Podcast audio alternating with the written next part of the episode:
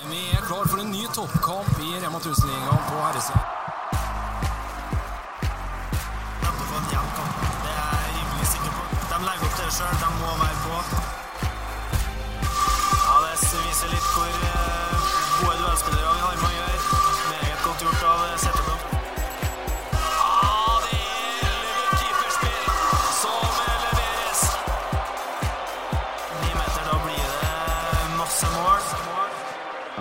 Vi igjen i håndballpodkasten. Feil sperre, ny uke, nye håndballmuligheter og selvfølgelig en ny podkast. Petter, Eh, vi skal inn i sluttspillet på semifinalesida. Litt som forventa med tanke på de fire som står igjen på herrene og likeens på, på damene, eller? Ja sju, av åtte, i hvert fall, må gå an å si. At uh, man hadde kanskje ikke trodd at Nærbø skulle, i hvert fall ikke skulle gjøre det på, på de to kampene, og så har det ordentlig koka. eh, I hvert fall i min Twitter-feed har det ordentlig koka nå rundt Andreas Høgseng. Og mm, skal han spille, og så komme i tillegg denne kontroversen med, med Rune Høgseng som er inne og skal gi noe mm, guidance til, til, mm, til Jokke som skal ta straffen til Lindell, og Runar er inn og skal ha omkamp. og da må jeg ja, Da må jeg flire. Jeg syns Leif Gautestad og hans eh, støtteapparat går på en smell der, for at eh, jeg kan jo på en måte strekke meg til å være enig i at det Rune Høgseng gjør, ikke er bra. og han, Det kunne vært tatt tak i der og da, men jeg syns ikke Nærbø skal bli fratatt den seieren av den grunn. Ja, Så det, det, men det er deilig å se at måte man kan få til litt engasjement òg. At Twitter er med på det som skjer. Og så eh, går vi under i landslagspause for guttene nå, og jentene har jo òg pause nå. De starter jo ikke Semifinalen starter jo samtidig nå 5., 6., 7. mai. Så um, Nei, det er deilig at det koker, og at folk er på jobb og mener litt. Og så at det skjer noe. Det er like viktig, for at vi må ha noe å snakke om for å skape engasjement. Ja da, og vi har store planer om å, å snakke eh, mye håndball i dag. Og vi har fått med oss eh, Ola Hoftun Lillelien hos Drammen først og fremst. Ola, velkommen eh, hos oss. Takk for det. takk for det. Litt eh, framskynda sommerferien først, antatt etter to tap mot Nærbø. Hva i all verden som skjedde der, da? Nei, det er jo en gjenganger i, i hele 2023 at vi ikke har egentlig fått eh, noe til å stemme. Vi har vel hatt eh, to egentlig gode kamper. Det var Bekkelaget hjemme, hvor vi vant med, med 20. Og Elverum hvor vi tapte med to, eller noe sånt. Som på en måte har vært eh, gode kamper. Um, mens um, ja, vi hadde en dårlig start på januar. Vi hadde uh, mye sykdom og skader. Uh, jeg tror de to-tre første ukene av januar så var vi fire vingspillere. Eh, to linjespillere og én bakspiller på trening. Eh, sånn jevnt over. Det er litt lite. Eh, og det er litt lite. Eh, da blir det tøft. og Vi fikk ikke terpet på de detaljene, og vi kom litt på etterskudd. Eh, og så er det det at når vi på en måte allerede er litt bakpå, så er det vanskelig på en måte å få, få spilt inn den selvtilliten vi har pleid å ha etter jul. For vi har som regel egentlig vært veldig gode etter jul, egentlig siden jeg kom til klubben i 2017. Eh, men i år så, så hadde vi et altfor stort gleppe der som vi ikke klarte å tette. Og, og det er noe med at det er litt uh, selvtillitsbasert òg når man taper alle de jevne kampene. Eh, så begynner man å, å lure litt på hva er det som egentlig er greia.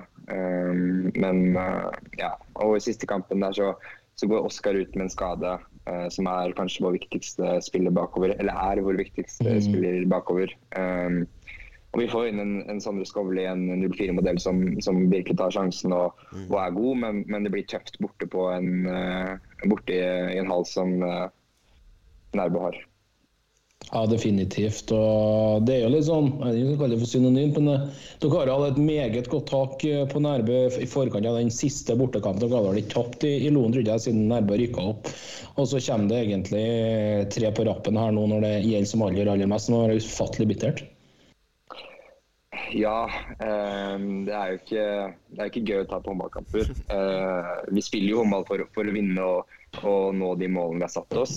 Og en semifinale høres veldig mye bedre ut enn en kvartfinale. Eh, Så det var litt dårlig stemning eh, rett etter kampen. Men jeg er en sånn spiller som på en måte kampen er tapt. Om jeg er sur lenge etter kampen så endrer ikke det faktum at vi har tapt den kampen. Da må jeg på en måte starte restarte og, og sette fokus på noe annet. Eh, og nå får jeg lagt inn en veldig veldig god treningsperiode. Eh, får gjort litt andre ting som man ikke får gjort i sesong. og så er jeg på en måte klar til oppkjøringa begynner nå. Vi skal møte i morgen, så jeg vet ikke helt hvor lenge vi har. Men eh, vi begynner opp igjen. Kjelling som kommer helvetesuke allerede. Kjelling er, er ikke så fan av sånne helvetesuker. Eh, han er på en måte Vi skal være gode med ball. Eh, så selvfølgelig, det blir jo, blir jo tungt. Men eh, han har aldri vært noen fan av straffetrening eller sånne ting. Så jeg håper og tror at det blir, eh, blir en vanlig oppkjøring. Eh, som jeg hatt i forrige sesong da kommet til semifinale. Samme vi er inne på det, Ola. Kristian Kjelling, da, innom de kampene her mot Nærbø. Hvordan, eh, har han vært både før, under og ikke minst etter matchen i Lono? Eh, første kampen så var han jo sinna. Eh, da roter vi jo bort en, en eh, seksmålsledelse, tror jeg det er. To ganger. Eh, ja. Um, og vi gjør på en måte ikke det vi skal. Vi står jo fantastisk bra bakover i første kampen. i første omgang. Vi får ikke til å stemme fremover, men fordi vi står så bra bakover, så, så ljuger på en måte resultatet litt. Og så går det vel ti minutter andre gang, og så er Nærbø foran, og da bytter vi mål til det er fem minutter igjen, og så tar Nærbø det. Eh, og da, da fikk vi en liten hårføner. Jeg kan ikke huske at jeg har fått i Drammen noen gang før. Eh, men eh, det gjorde vi første kampen, og andre kampen så var det på en måte bare å mobilisere alt vi hadde av, av energi og krefter, og prøve å skape litt eh, selvtillit inn i den siste kampen, som vi vet er kjempetøff eh, på, på Nærbø. Eh, og vi leder jo der òg, eh, 5-2 eller 6-2 eller hva det er. Men så er det Nærbø Vi har jo ledet med ti mål når det er gått 40 minutter i, i eh, Nærbø. Og så når sluttsignalet går, så vinner vi med ett. Så det er jo et lag man aldri har vunnet mot før kampen faktisk er over. Eh, og den smellen gikk på en måte på begge kampene. Uh, og jeg tror på en måte etter siste kampen òg Det siste vi trengte, var kjeft. Fordi vi gjorde alt vi kunne. Vi slapp inn hva var det, 23 mål eller hva det var. Eh, og det, Jokke står veldig veldig bra. Har vel 46 i redning, eller hva jeg leste. Um, så det handlet jo egentlig til syvende og sist om å sette ballen i mål. Um, ja, men det, jeg, jeg tenker det også å ha litt med den selvtilliten å gjøre. Uh, og det tror jeg Kristian skjønte også, at vi trenger ikke en, en hårføner fordi vi har flere spillere som nå slutter, som har vært i klubben i mange år. Uh, og det siste vi ville, var at de skulle avslutte sin karriere på bortebane allerede i midten av april. Hvordan er eh, hva, Hvor mye har det å si? Altså nå, tenker, altså, nå tenker jeg kanskje ikke først og fremst på dem som slutter nå, men, men også dem som forsvant. Altså Spesielt Gomrud kanskje, og målvakta, så står det helt stilt. Eh, André? Bergson Christensen. Christensen, ja. Ja. Hvor mye uh, har Fordi altså, Nicolai Wiig er, jo- er er jo et stort talent og har toppnivået inn, men eh, er ingen bare som Christensen, liksom? Hvor, hvor mye har det Og sammen med Gomruvåg, da, som er, har utgjort det forsvaret der sammen med, med Olavsson over masse år. Hvor mye har det å si at de, at de forsvinner òg, når man på en måte i tillegg får de her sykdommene og skadene? Men blir veldig på stålet en stund, da. Ja, Vi kan jo starte med, med keeperposisjonen, med at André dro, eh, som hadde gjort, gjorde en vanvittig bra halvsesong, eller så vidt halvsesong òg, eh, og var god. Og vi hadde også Andreas skadefri, som de hadde annenhver kamp, og, og de var stabile begge to. Eh, og når han går, så mister vi selvfølgelig en veldig god keeper. Eh, og så heldige som vi var, så, så røk André også, nei, Andreas ut med en skade.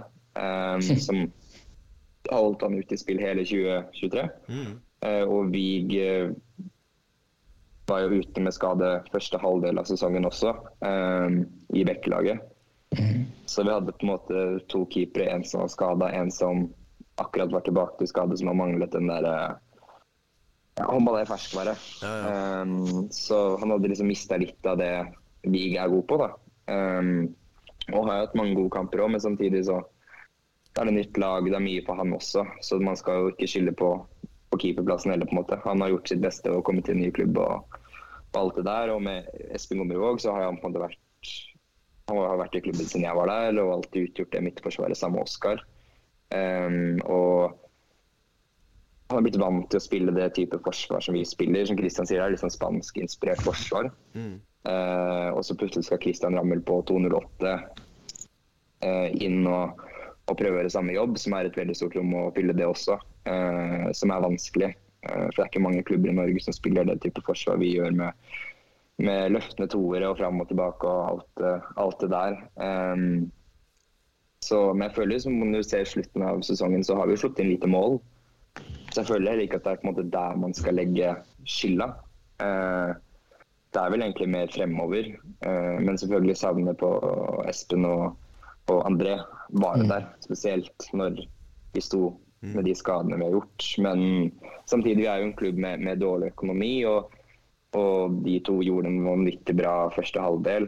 Um, og jeg er superglad på deres vegne, spesielt Espen, som har vært i klubben var det, elleve år eller noe sånt. Og trodde på en måte det toget har gått. Så jeg tror man må være litt forsiktig med på en måte å Fordi jeg kjenner Espen så godt. Um, å si at det, det at dem dro avgjørende, for det tror jeg er vondt for Espen. For Drammen betyr mye for han. Uh, så jeg vil heller å si at de fikk en mulighet de ikke kunne si nei til, som jeg unner dem veldig, veldig mye. Og så var det vi som sto igjen som ikke gjorde god nok jobb. Det er klart troppen sånn på papiret EU skal jo være bra nok til å håndtere eh, både Rema 1000 og komme til semifinale i sluttspillet, sånn på, på papiret. Så med Trym Johnsen og Aho og Olafsson og hele den backrekka der skal jo være Skulle jo vært godt nok, så jeg skjønner jo på en måte vurderinga når man på en måte lar dem gå rent sportslig, at idet de går, så har man kanskje laget til å holde ut, og så får man skadene som gjør at det ikke går. Og jeg vil bare litt tilbake. Ja. Ja, nei, nei, det, det, det, er helt enig, er skadene. Ja, jeg vil bare litt tilbake til det her nærbelaget. Så får jeg kritikk fra Fjern og nær om at jeg har uh, forelska meg i dem, men nå slapp de inn 21 mot dere. De slapp inn eh, 19 i, i seriekampen mot, mot Runar. De hadde eh, Det var vel den Det blir kvartfinalen i Europa. Slitt de i 20, da. Så de har et vanvittig eh, En del kamper der de slipper inn utrolig lite mål.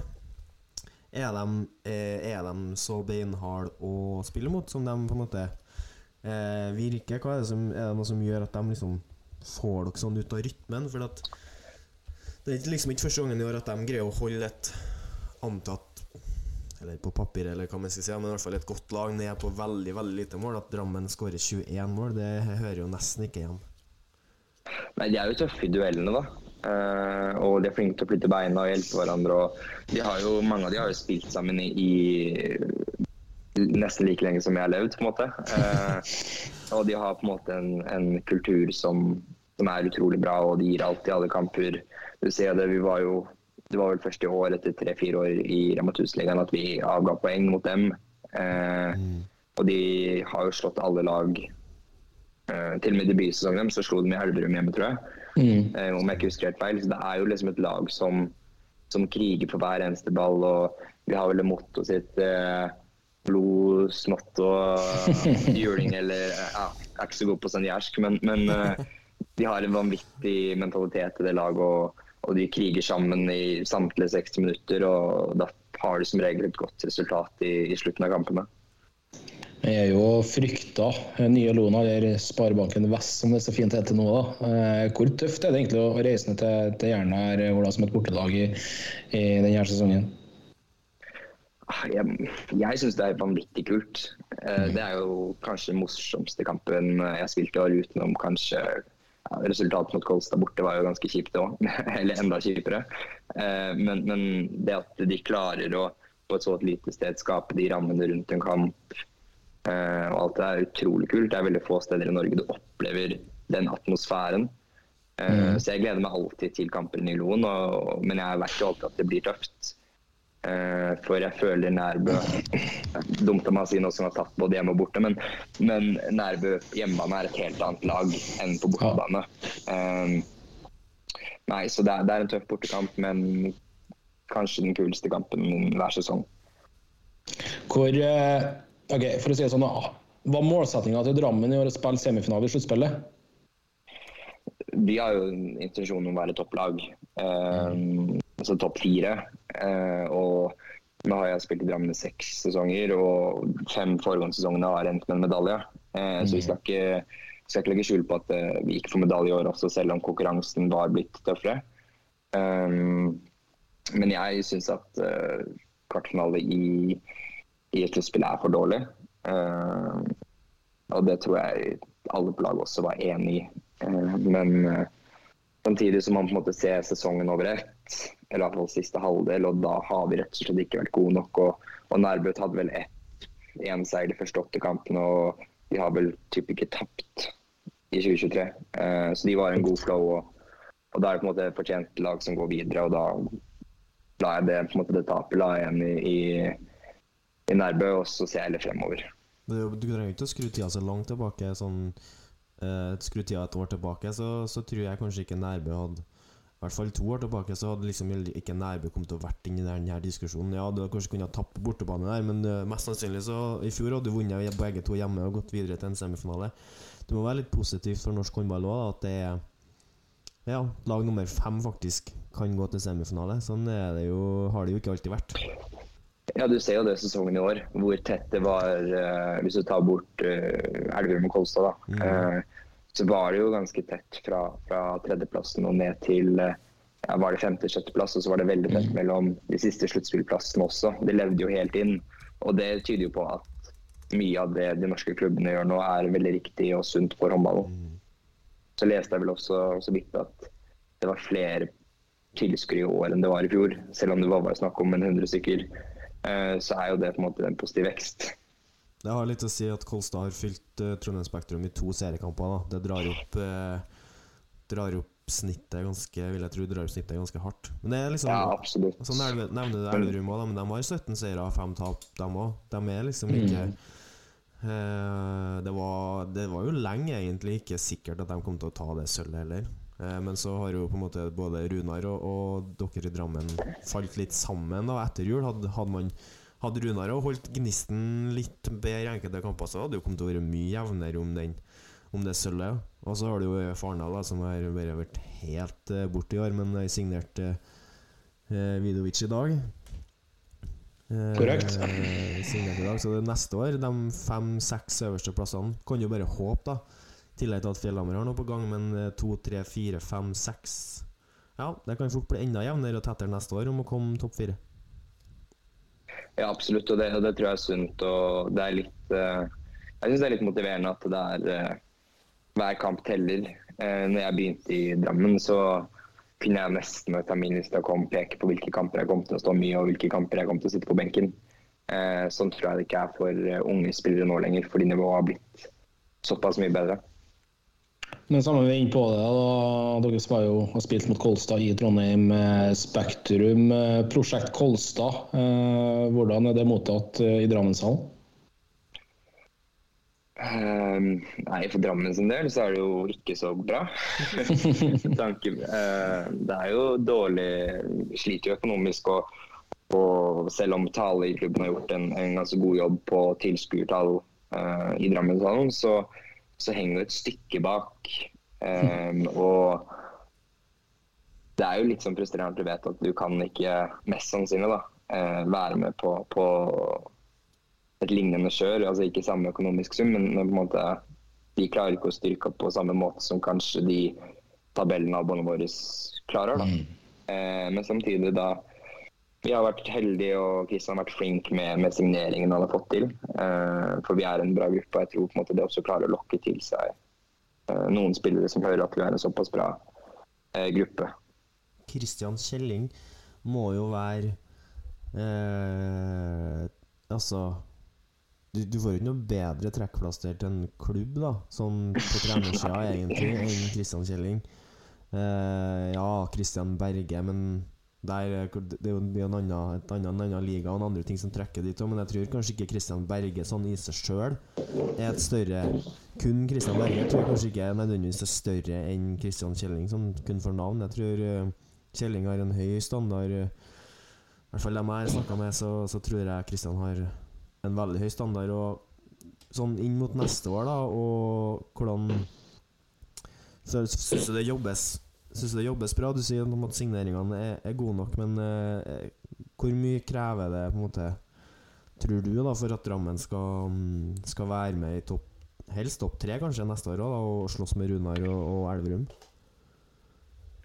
Jeg tror på en måte vi bare må fortsette med det vi har gjort, og være tro til det konseptet vi har holdt på med i, i seks år mens Kristian har vært her. Um, og vi vet jo, vi har jo selvtillit nok til å vite at vi, vi har en god gruppe håndballspillere som, som kan spille håndball. Eh, og eh, ballen er rund, det ser du på en måte sesongen i år. Da, hvor, my hvor, hvor mye som har skjedd. Og det syns jeg også er litt motiverende å se at alt kan skje.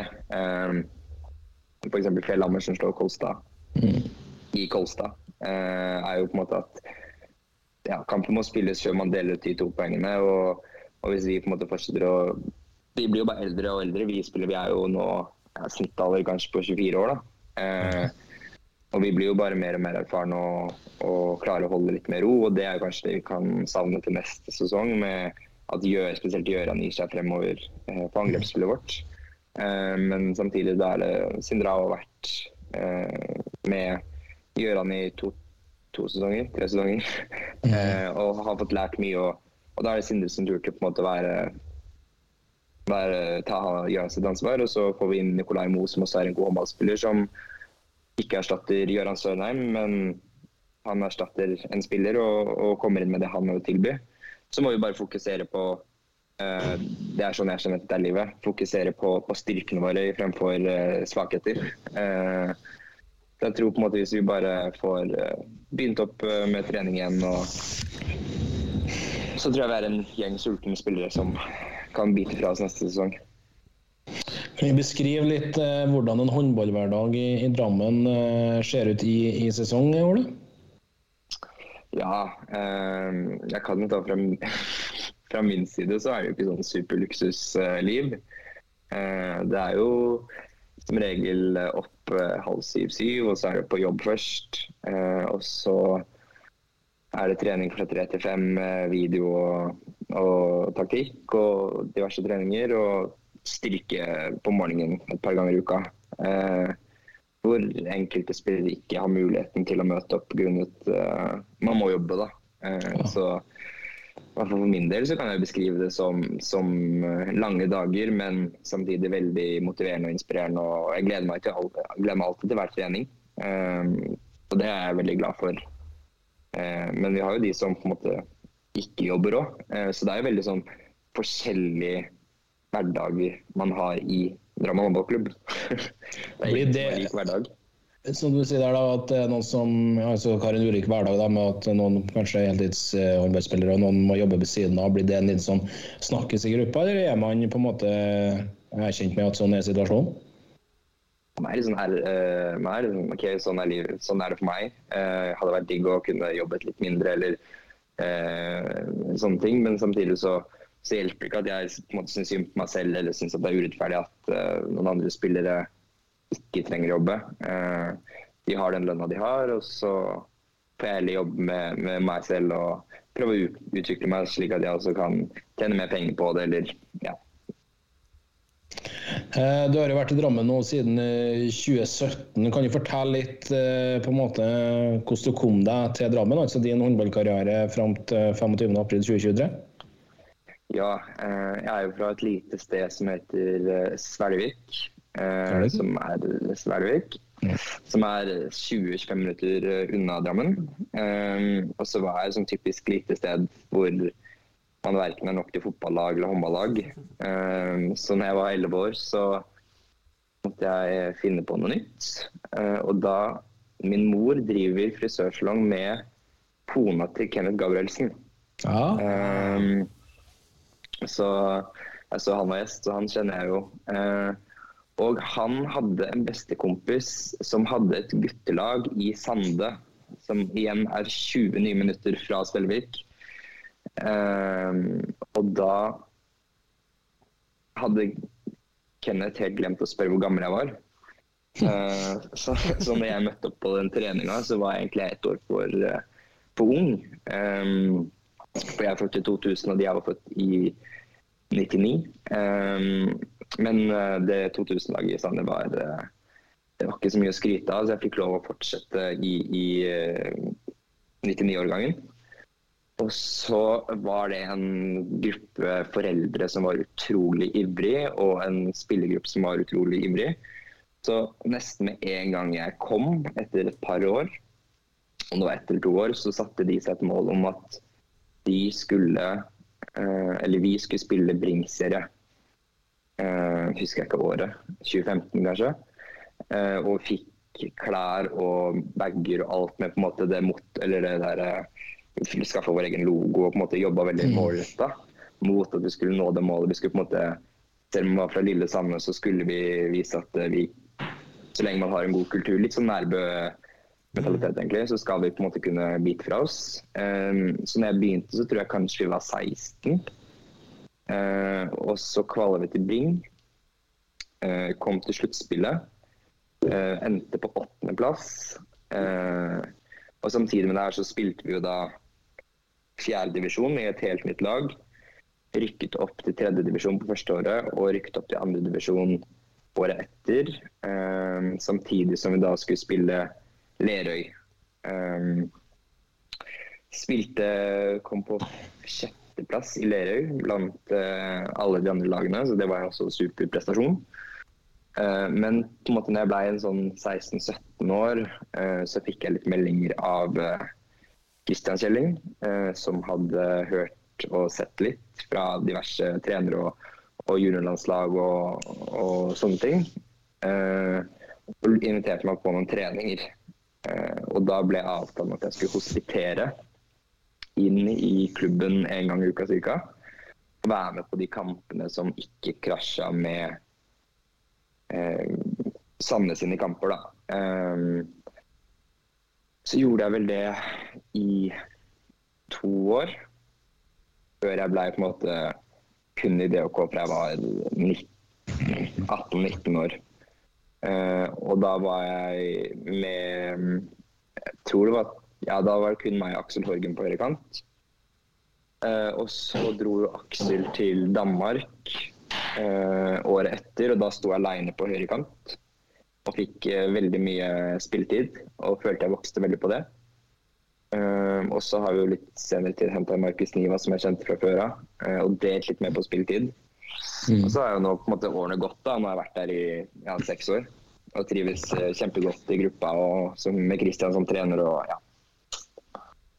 Har du vært på, på juniorlandslaget Du er født i 2000, sier du, så du var på det juniorlandslaget med Storbukt og Nordberg og Mm. Grøndal Stemmer. og Bergsøren Christensen var der og vant det.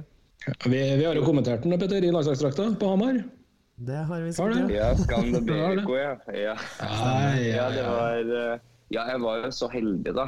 Um, jeg begynte jo uh, Siden jeg spilte med 99, så fikk jeg lov å være med på det som heter SPU, tror jeg. Um, spillutvikling for de som er ett år eldre. Eh, og gjorde det jo ganske bra selv om man var ganske liten. Jeg var jo typ to hoder lavere enn alle andre på banen der og veide 30 kg mindre. Um, og så kom det regionalt landslag og sånn bylagsturneringa for 99-årgangen. Og da ble jeg vraka uh, fordi han ene treneren hadde veldig troa på meg, og han andre mente jeg aldri kom til å bli god, for jeg var for liten. Og det fikk jeg høre.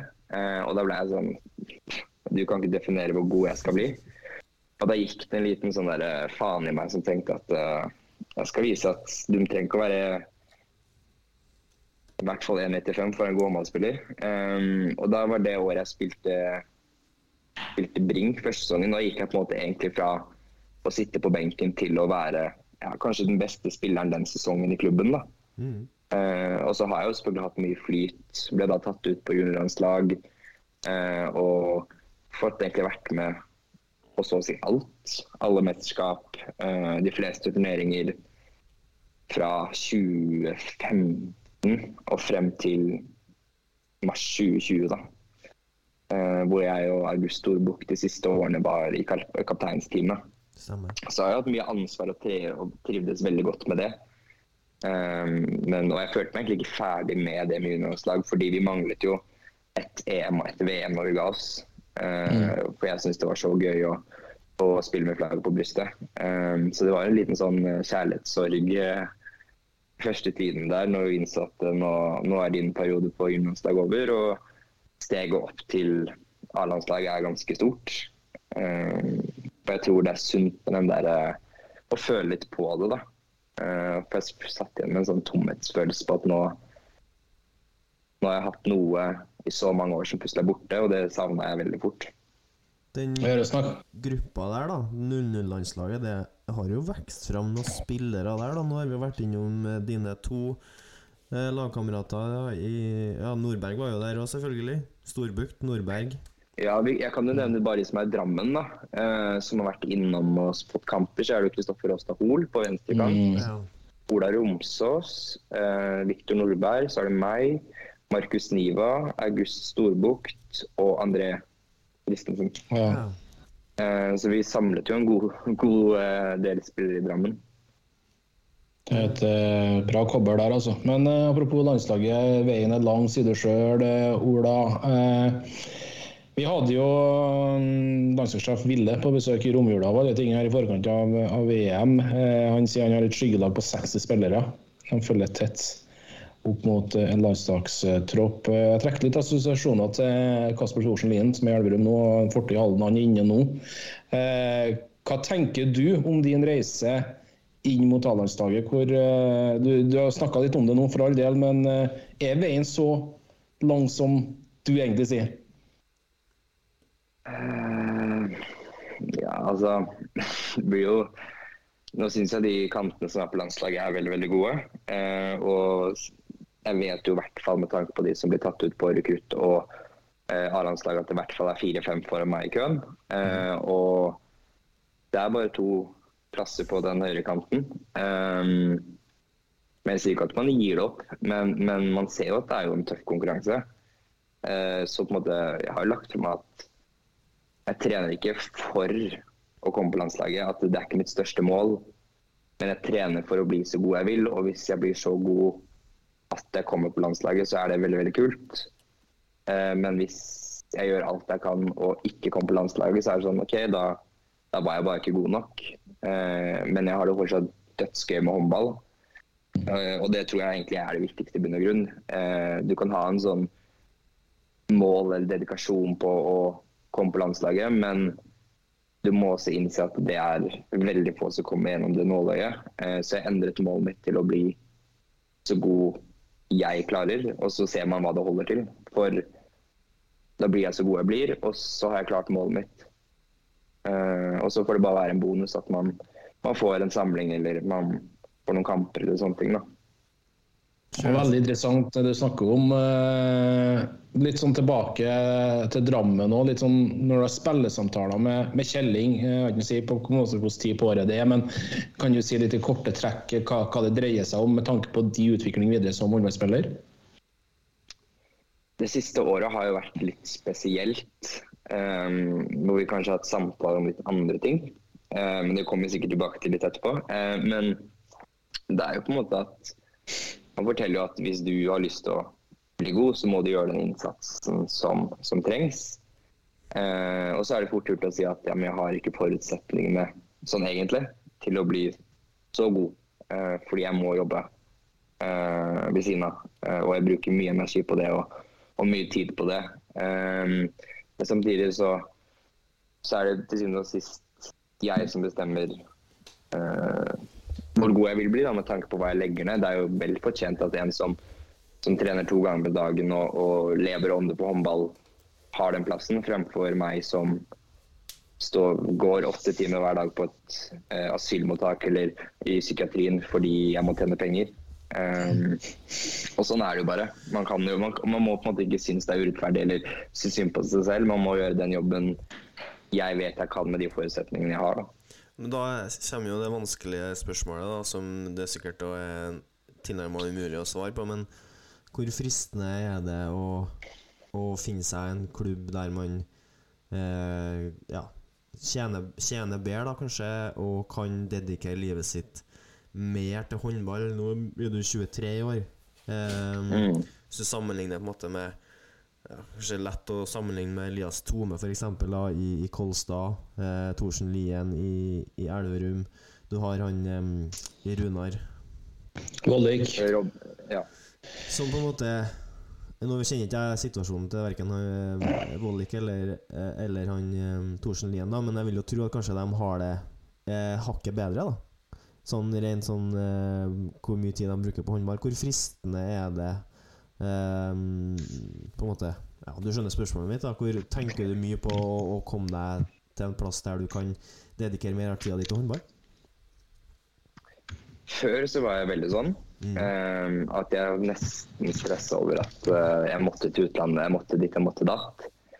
Uh, men så har jeg på en måte lært veldig mye om meg selv det siste året.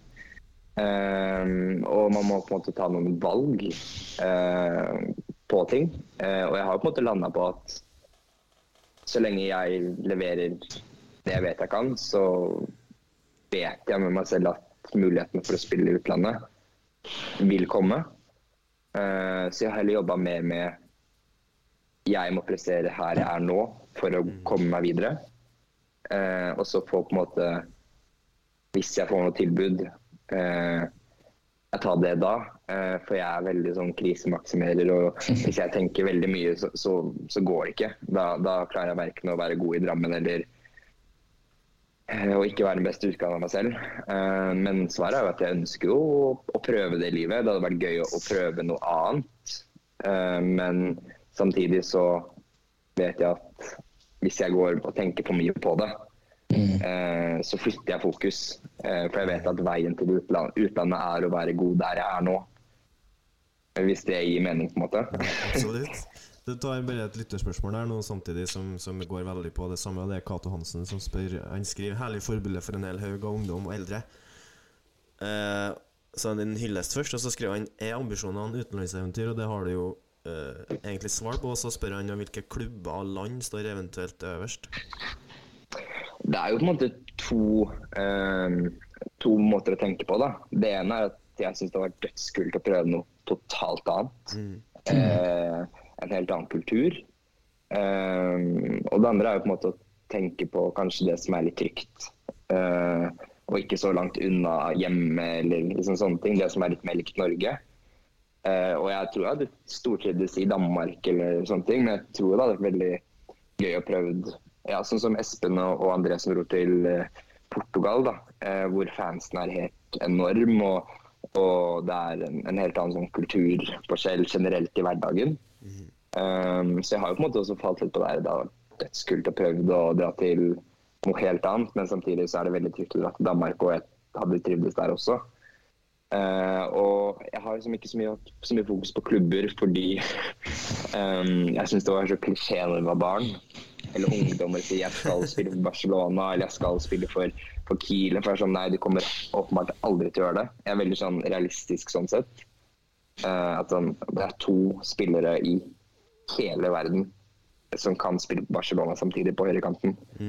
Eh, og per nå så jeg er ikke inne på uh, rekruttlandslaget i Norge engang. Jeg tror kanskje det toget har gått, uh, i hvert fall for en stund. Så vi håper at toget kommer tilbake, på en måte. Men, men heller det derre Danmark er veldig realistisk, og jeg tror det har vært gøy. Eller prøve å snakke, snakke meg litt inn i, i Portugal der. Be Espen og André legge inn noen, noen gode ord. Skal boturen være til Lisboa, eller? Botur til Lisboa. Nei, det, den skal eh, til Stockholm. Så vi er ikke, vi er ikke så spreke i Drammen håndballklubb, høres det ut som. Men jeg tror det blir veldig gøy. Gamla stan der, da. Det blir deilig. Bare et, Eh, et lite, en lite refleksjon bare inn i det her. Da. Men når på en måte Kolstad gjør som Kolstad gjør, og Elverum har vært det de har vært nå og man egentlig i Drammen har vært så nære som man har vært da, med de ressursene man har hatt. Men eh, er det med på en måte å gjøre at du kan ha fokus mer her, og at man føler at på en måte den norske, Når den norske ligaen tar steg, at man det, den sånn rent nivåmessig at man ikke trenger å komme seg ut òg, hjelper det? Eller det må jo Ja. hjelpe, tenker jeg. Ja, det gjør jo det. Altså, hadde, hadde jeg følt meg for god for Norge eh, altså Det føler jeg absolutt ikke. Men, men det der, hadde jeg følt at nå har jeg på en måte gjort, gjort det jeg kan. Jeg tror, hvis, jeg tror egentlig hvis ikke den satsinga hadde kommet, så hadde jeg følt sånn OK, nå har jeg møtt Nærbø 13 ganger de siste to sesongene. Eh, jeg har møtt, møtt de samme lagene om og om igjen. Eh, så jeg trengte egentlig en liten sånn eh, litt sånn fresh start med nye spillere og, og litt sånne ting. Det tror jeg også er sunt for mange av de spillerne som har spilt i i mange år nå. Eh, så jeg ser egentlig det på, ser på det som veldig positivt. Samtidig som at man, man har jo på en måte fått et litt an, annet liv det siste året med, med kjæreste og samboer og, og liksom Ja, jeg merker jo at livet skjer jo. Eh, og det er jo andre hensyn man skal, også skal ta, samtidig som det ikke skal hindre drømmene dine. Mm. Eh, men, men så må du på en måte sammenligne Ok, er, er det verdt å flytte til eh, ja, si Portugal, kast et forslag, for at jeg skal miste det jeg har nå som er så bra, da. Eh, så det må jeg gå noen runder med hvis jeg eventuelt får et tilbud fra utlandet om for og imot. Kanskje det blir Danmark, fordi da vet jeg at ting fungerer bedre enn hvis jeg flytter til Portugal. Mm. Du går jo sikkert langt å bekrefte det, men eh, har det vært noe tilbud? Uh, nei, har ikke gjort det bra nok, si. Uh, det, var, det var veldig mye under korona. Uh, ah. Mye managere og mye klubber og ting og tang. Um, men jeg har altså funnet ut at sånn som det har blitt litt nå, så må du være litt aktiv på det selv òg. for jeg var veldig sånn jeg trenger ikke noe agent, jeg trenger ikke det, jeg trenger ikke det. Um, men så er jo på en måte det en veldig mye enklere vei inn i inn i utenlandslivet. da. Uh, Så nå er jeg på en måte litt sånn, ja, nå er jeg litt mer åpen for ting. Jeg reklamerer litt for meg selv hvis det er noen som føler for å sende en mail. Uh, Men uh, nei, jeg tror på en måte det er eh, Sånn som det har vært det siste året, så har jeg nesten vært glad for at det ikke har kommet noe, noe tilbud og noe jeg må ta stilling til. Men uh, nå er jeg på en måte litt uh, restarta og klar for, uh, klar for det tilbudet som eventuelt skulle komme. og ja, litt mer åpen for det. Spennende. Du, vi har en fast lytter i Thomas Karlsen. Uh, Sendt inn et, eh, et spørsmål eh, her eh, som kantspiller i, i Rema 1000-ligaen. Hvilke motspillere og kanskje mest målvakter har skapt mest hodebry for Ola denne sesongen? Uff, det er Torbjørn Bergerud, det. Det var det var et litt dårlig spørsmål, eh, Karlsen. Her kan du Altså, den, den var jo Ja, flink det- Den den er tøff, den i, i Trondheim der. så, ja, samtidig så hadde jeg tre av tre siste kampen borte. Um, det var litt verre i starten av sesongen, uh, men uh, han har jo vært enormt god, da. Uh, og han, så han har vært desidert vanskeligst å skyte på. Eh, men samtidig så, så er det jo mange gode målvakter mm. uh, i, i Norge. Uh, og du ser jo det at ja, egentlig, altså Mange av båndlagene har jo også, hvis man kan kalle det båndlag, uh, har jo også hatt gode keepere. Du ser jo f.eks. Fjellhammer, da, som akkurat kom seg i, i sluttspillet. Keeperne har jo stengt de kampene jeg har sett nå i sluttspillet. Så jeg, tenk, jeg, jeg syns jo på en måte alt fra, fra tiendeplassen opp til førsteplassen har vært uh, utfordrende egentlig sånn, litt sånn annenhver gang. Jeg føler noen kamper er på en måte ja, sånn som siste gang i Trondheim klaffa det skikkelig mot- på Torbjørn, men eh, første kampen i Trondheim så var det to på seks eller noe sånt, for da hadde man så enormt respekt. da. Um, så det har jeg kanskje ikke slitt med, men jeg har sånn tenkt sånn Oi, han er god. Eh, og det kanskje gjenspeila seg litt i starten av sesongen, men så har jeg på en måte vært sånn Jeg er god, jeg òg, så da må jeg bare fokus på hvor det er, hvor det er rom, istedenfor hvem som står foran, foran rommet.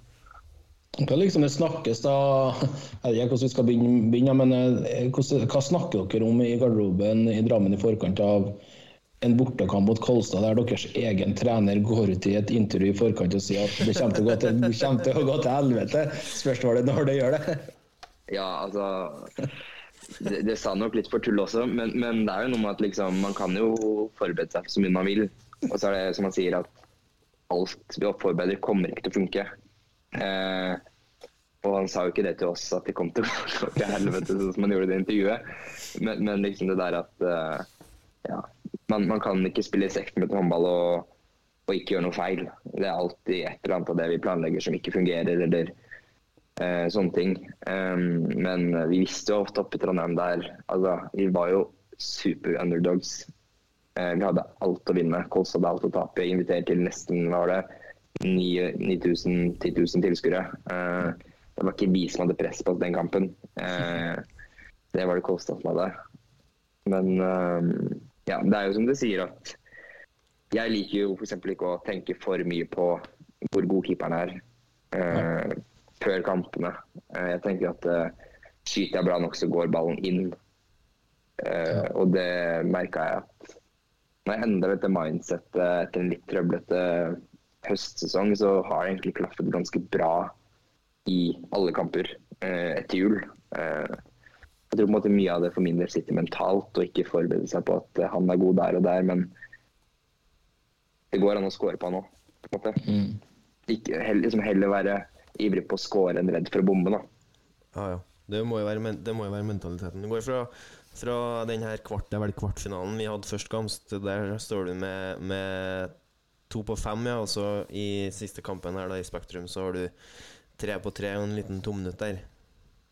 Så det er klart Du må bare Det blir så. Litt røff, ja. Det er bra, det. Aalberg må få kjenne på at han lever. Så det er bare Ikke sikkert det var han du tok, da, men det er viktig å, å sette dem litt på plass òg. Ja. Jeg deler det.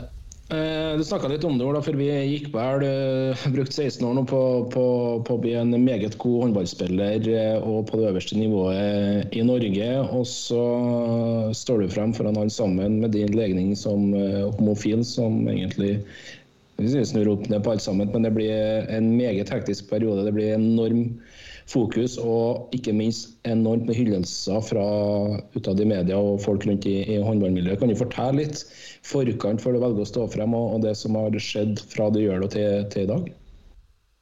Ja, um, altså Det er jo spørs hvor langt du vil ha tilbake, liksom. Men vi kan jo på en måte sjef. begynne med, ja, Vi kan jo på en måte begynne med ehm, da jeg på en måte Jeg har jo en far som uh, er uh, narkoman. Um, og, og han tok på en måte veldig tidlig et valg hva han ville ha i livet sitt og ikke. Uh, og da ble jeg ikke valgt med. Um, så på en måte da jeg var ja, 14-15 år, så hadde veldig mange av mine venner nok Altså de tenkte på ok, hvem liker jeg, hva liker jeg. Feste, jeg hadde veldig mye fokus på det. Jeg var egentlig livredd. Um, og hadde på en måte fokus på hvem var jeg uten, uten en pappa. Eh, når alle mine kompiser dro på hyttetur med faren sin, så lå faren min kanskje i en grøft, eller han satt inne, eller altså Det var veldig mye usikkerhet, da. Eh, så håndball blei ble jo på en måte et fristed for meg i veldig mange år. Um, men så velger jeg for en del år siden å kutte kontakten. Eh, altså slutte å være verge for min egen far og føle på skyldfølelse for at ting har blitt som det har blitt. Eh, og på en måte når den tanken er borte, så har man på en måte plass til å eh, filosofere over hvem jeg er, hva, hva foretrekker jeg, og liksom alle tingene der. Uh, og da kom det på en måte litt til meg at ja, kanskje det, kanskje det er, er noe her, liksom. Og da er på en måte prosessen der å finne Høres superklisjé ut å si, men er det en fase, eller er det, er det hold i det her, da? Uh, og da må du på en måte finne ut av det og, og være trygg på, på det. Um, så veldig sånn Ikke så lenge etter at jeg på en måte slo meg til ro med det, eh, så gikk det ikke lang tid før jeg sa det. Um, jeg sa det jo til familie og liksom mine nærmeste lagkamerater i i eh, desember 2021, etter egentlig en samtale med min keepertrener, eh, som vi har snakket om i ettertid, på et tog helt tilfeldig.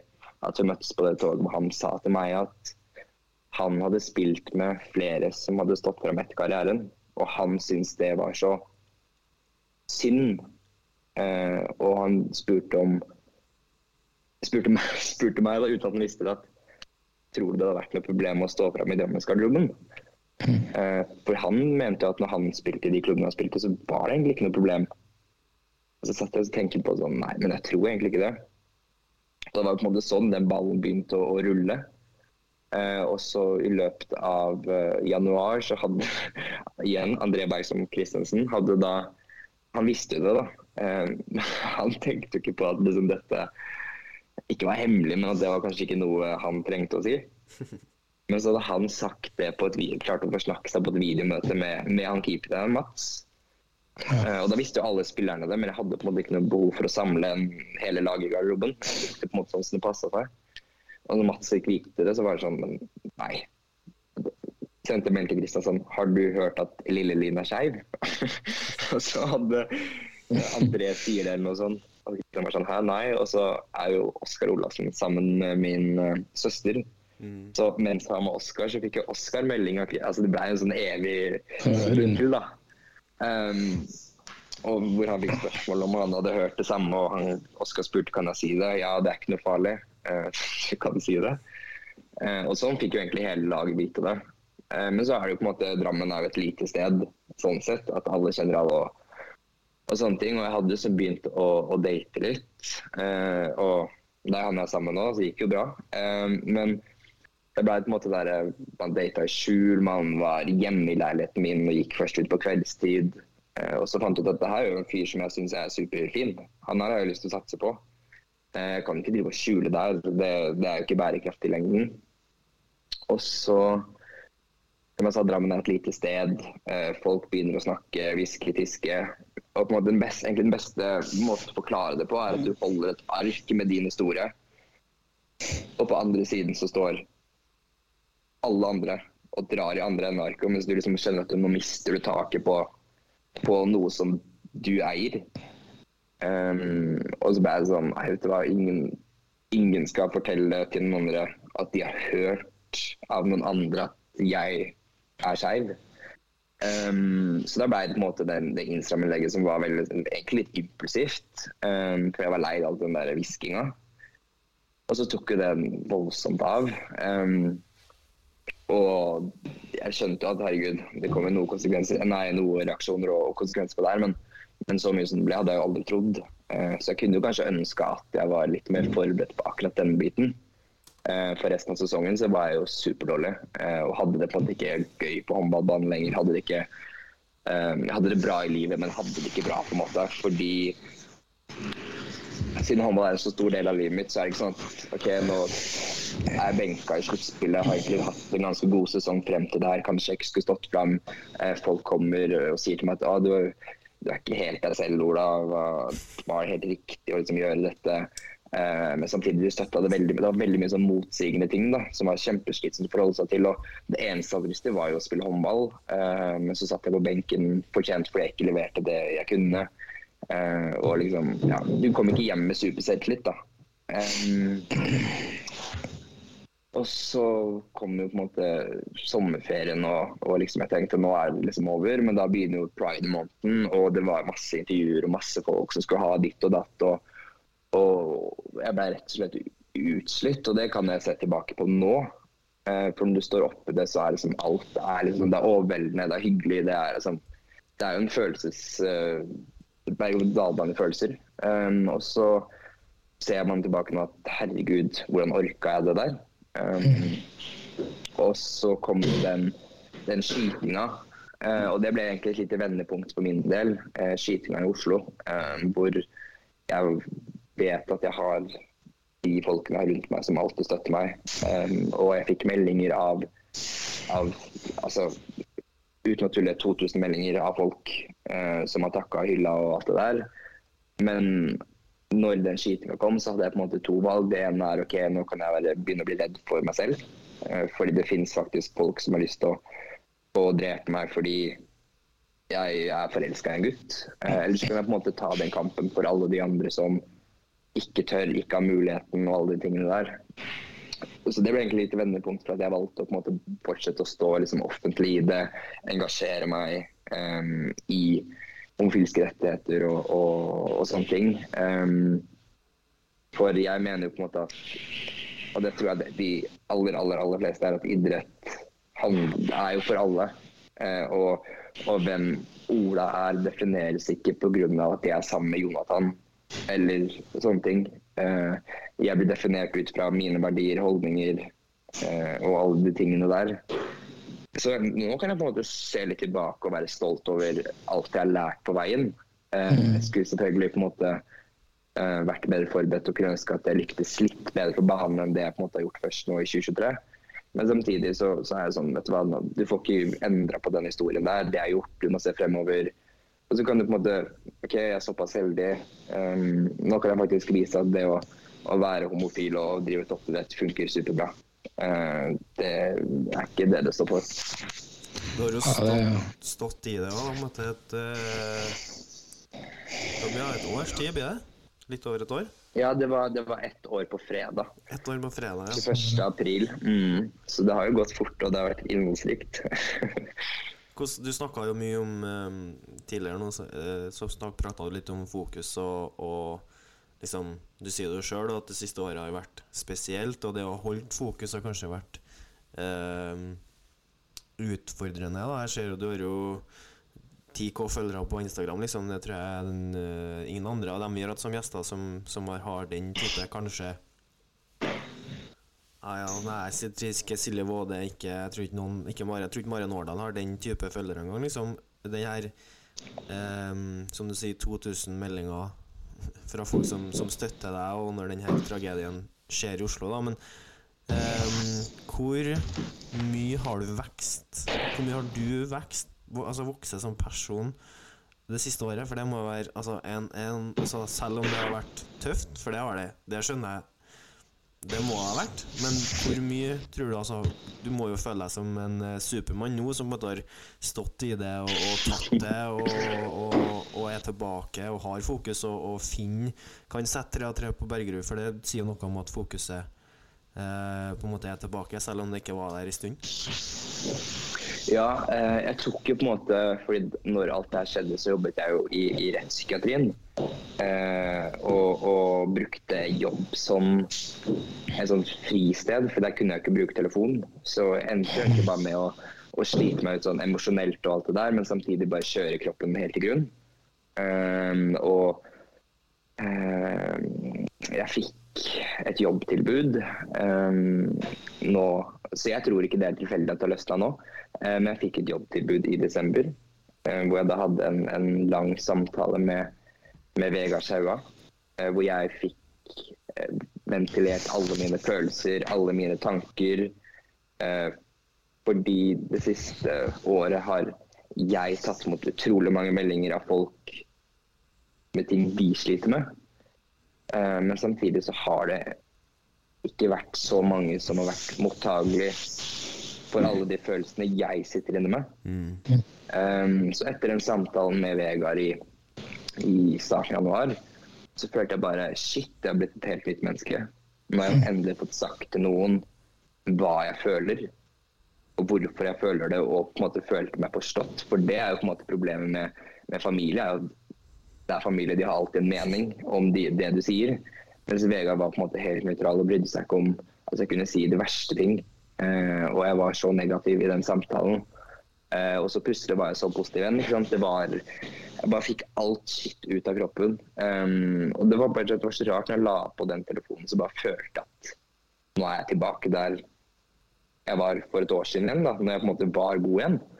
Det var en skikkelig god følelse, så jeg gikk jo inn i liksom siste del av sesongen nå med, med kjempeselvtillit. Og nå har ikke jeg helt tall på det, men jeg, føler, jeg tror ikke jeg har bomma så veldig mye i 2023. Jeg har vært veldig sånn sikker og ja, det har vært veldig sånn forløsende å liksom vise at ja, jeg kan fortsatt spille håndball. Jeg har ikke glemt det. Um, og så det i kombinasjon med at jeg bytta jobb og, og liksom ha mye mer overskudd i hverdagen. Og, ja. Jeg føler liksom jeg gjorde veldig mye riktig på én tid, og det er jeg veldig stolt av. Jeg gjorde det Istedenfor å grave meg ned, så gikk jeg litt inn i meg selv. Ok, hva kan jeg gjøre annerledes her nå? Jeg kan ikke be Kristian eh, gi meg mer spilletid, for det har jeg ikke fortjent. Jeg kan ikke, altså, det er kun meg selv det her ligger på, da. Eh, Så det er, det er kanskje det jeg er mest stolt av over det siste året, og spesielt denne sesongen. Det at jeg klarte å finne tilbake med gleden med håndball. Finne tilbake til den Ola jeg var for et år siden. da. Det er jo stort deg å si at det, at det ligger på deg, for det at eh, På en måte, man skulle jo eh, I en perfekt verden så skulle det å være skeiv å komme ut som skeiv toppidrettsutøver ikke påvirke deg. Men det gjør det jo, dessverre. Så det, måte, det å ha stått i det òg, da, og, og komme ut på andre sida Du kunne jo på en måte ha kunne jo ha blitt eh, knekt underveis òg. Du kunne jo ha på en måte du, som du sier, du gleden med det. Du finner tilbake gleden, og du skal på en måte stå i det òg. Så eh, det er ikke sikkert det er alle Det er ikke sikkert det er alle som hadde greid å stå i det, og som hadde kommet på andre sida sterkere. Det, det, det vet du ikke, for du sier jo sjøl presset har vært Presset har vært stort, og det har vært masse henvendelser. Og ja, nei, det er bare mm, imponerende. Jeg tror ikke jeg tror ikke det er noen mange i Rema 1000-ligaen som har eh, stått i Skal ikke jeg si noe av det du har stått i, for det vet ikke jeg, men du, historien blir jo helt spesiell og egen. Og um, så kan vi bare håpe at eh, for hver dag som går, så blir du mer håndballspiller. Uh, jeg skal si mindre skjev, det var ikke nærmere, men, Ja. men uh, altså at, at flere, altså, fokuset er på det du presterer på banen. Og så eh, Ola er bare Ola, sånn vil det jo alltid være. Eh, du, Ja, det må jeg også bare si at motspillere og medspillere selvfølgelig, men også motspillere, liksom den, den støtten man har hatt da, eh, hele veien, har også vært veldig avgjørende på det. At du har på en måte følt at de, de har hatt tro på deg, mm, selv om det har gått litt dritt. da. At de på en måte har litt sånn low-key heia på at du skal få det til. eh, og at de unner meg å få det til nå. Og det, og det betyr også mye. Selv om man er motspillere, så, så er man type kollegaer. Eh, vi bedriver det samme hver dag. Eh, så der må jeg også bare takke håndball- eh, Håndball-Norge.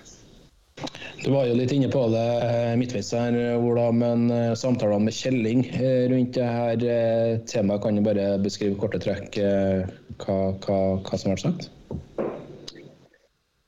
Nei, det var jo på en måte uten man skal utlevere for mye. For jeg føler jo på en måte begge ga med seg selv i de samtalene. Men det jeg kanskje syns var vanskeligst helt i starten, var jo det at jeg ga kanskje to intervjuer. Ett til VG og ett til TV 2, eh, med Anja i spissen. Eh, hvor det var det jeg gjorde. Og så plutselig så hadde alle avisen skrevet om det. Altså jeg var i Se og Hør. Jeg har jo ikke snakket med Se og Hør. Um, og Aftenposten har ikke snakket altså Det var så mange steder jeg var som jeg ikke hadde snakket med. Så jeg, en ting var at jeg så ut som Norges mest PR-kåte person eh, på den tiden. Eh, men så var det også det at jeg følte litt igjen at du mistet litt det der eh, eierskap til historien din. Da. Og da var Christian fin med tanke på Han har jo også vært mye i media, hadde liksom litt råd. Uh, og han har egentlig hele veien stilt krav fordi han vet at jeg kan. Han har ikke vært sånn 'Å, stakkars deg', nå uh, skjønner at det er vanskelig, liksom. Det har vært sånn OK, skjønner at det er vanskelig, men du spiller håndball, på en måte. Det, jeg vet at du kan. Derfor sier jeg dette til deg her. Um, det er ikke fordi at uh, du skal føle på noe som helst, men fordi at jeg tror du setter pris på at jeg sier ting som de er. Og der du er nå, så er du, så er du ikke i nærheten. Uh, og det der og da var jo ikke det, det jeg ville høre. uh, men sånn i ettertid så er jeg superglad for at på en måte, en har stilt de kravene hele veien. Det gjør at du jobber mot, mot å komme tilbake, istedenfor at du hadde hatt eh, alle som pusa på deg og klappa på deg og sagt sånn, åh, dette skjønner jeg er vanskelig for deg.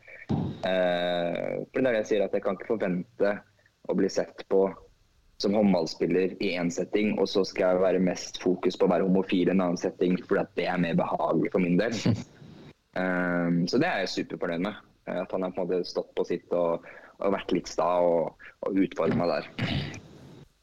Fantastisk. Jeg kan ta med det da fra Thomas Carlsen. eh, Si at du fortjener all mulig hyllest for måten du har stått frem som et fantastisk eh, forbilde. Cato Hansen henger seg på òg. Herlig forbilde for en hel haug av ungdom og, og, og eldre. Så det, det er bare å ta med seg. Fullt fortjent.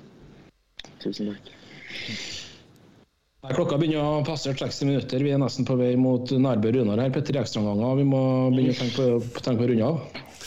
Ja, jeg syns vi har uh, fått snakka om mye, så det blir det spennende da, å se. da Det blir jo, det, det blir jo et spenningsmoment. da Vi var jo spent på Drammen etter, uh, etter januar og den pausen som var, men det blir jo ja, kanskje enda mer spennende å se hvilken vei toget går uh, gjennom sommeren og ut i, i neste år. For det at det er noen sko som skal fylles der, og, men er det en som kan greie det, så er det kanskje Kristian Kjelling. da.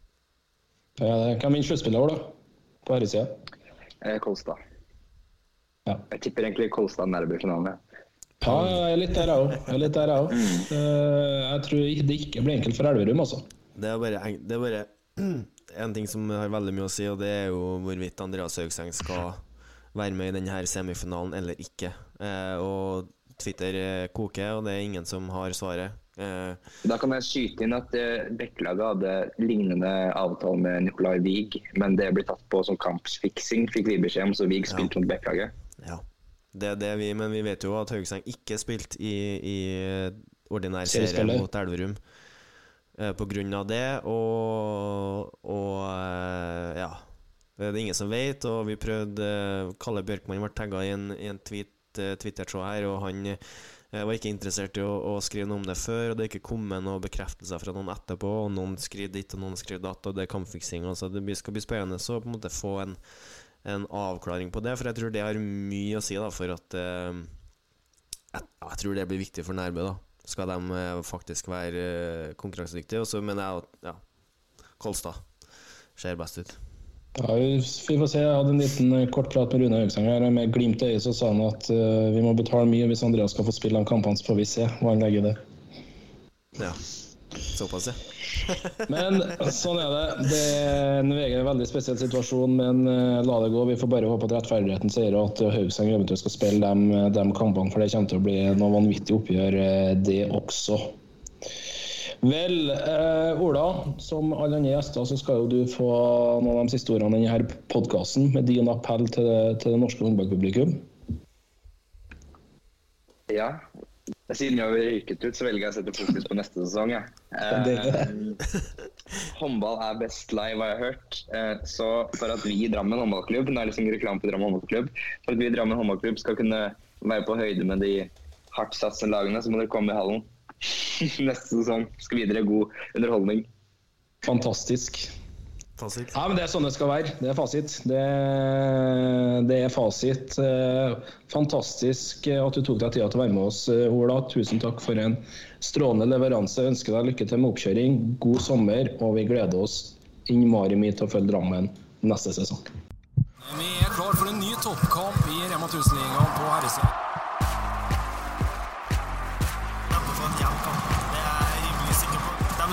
Sjøl. Han må være på. Ja, det viser litt hvor duellspillere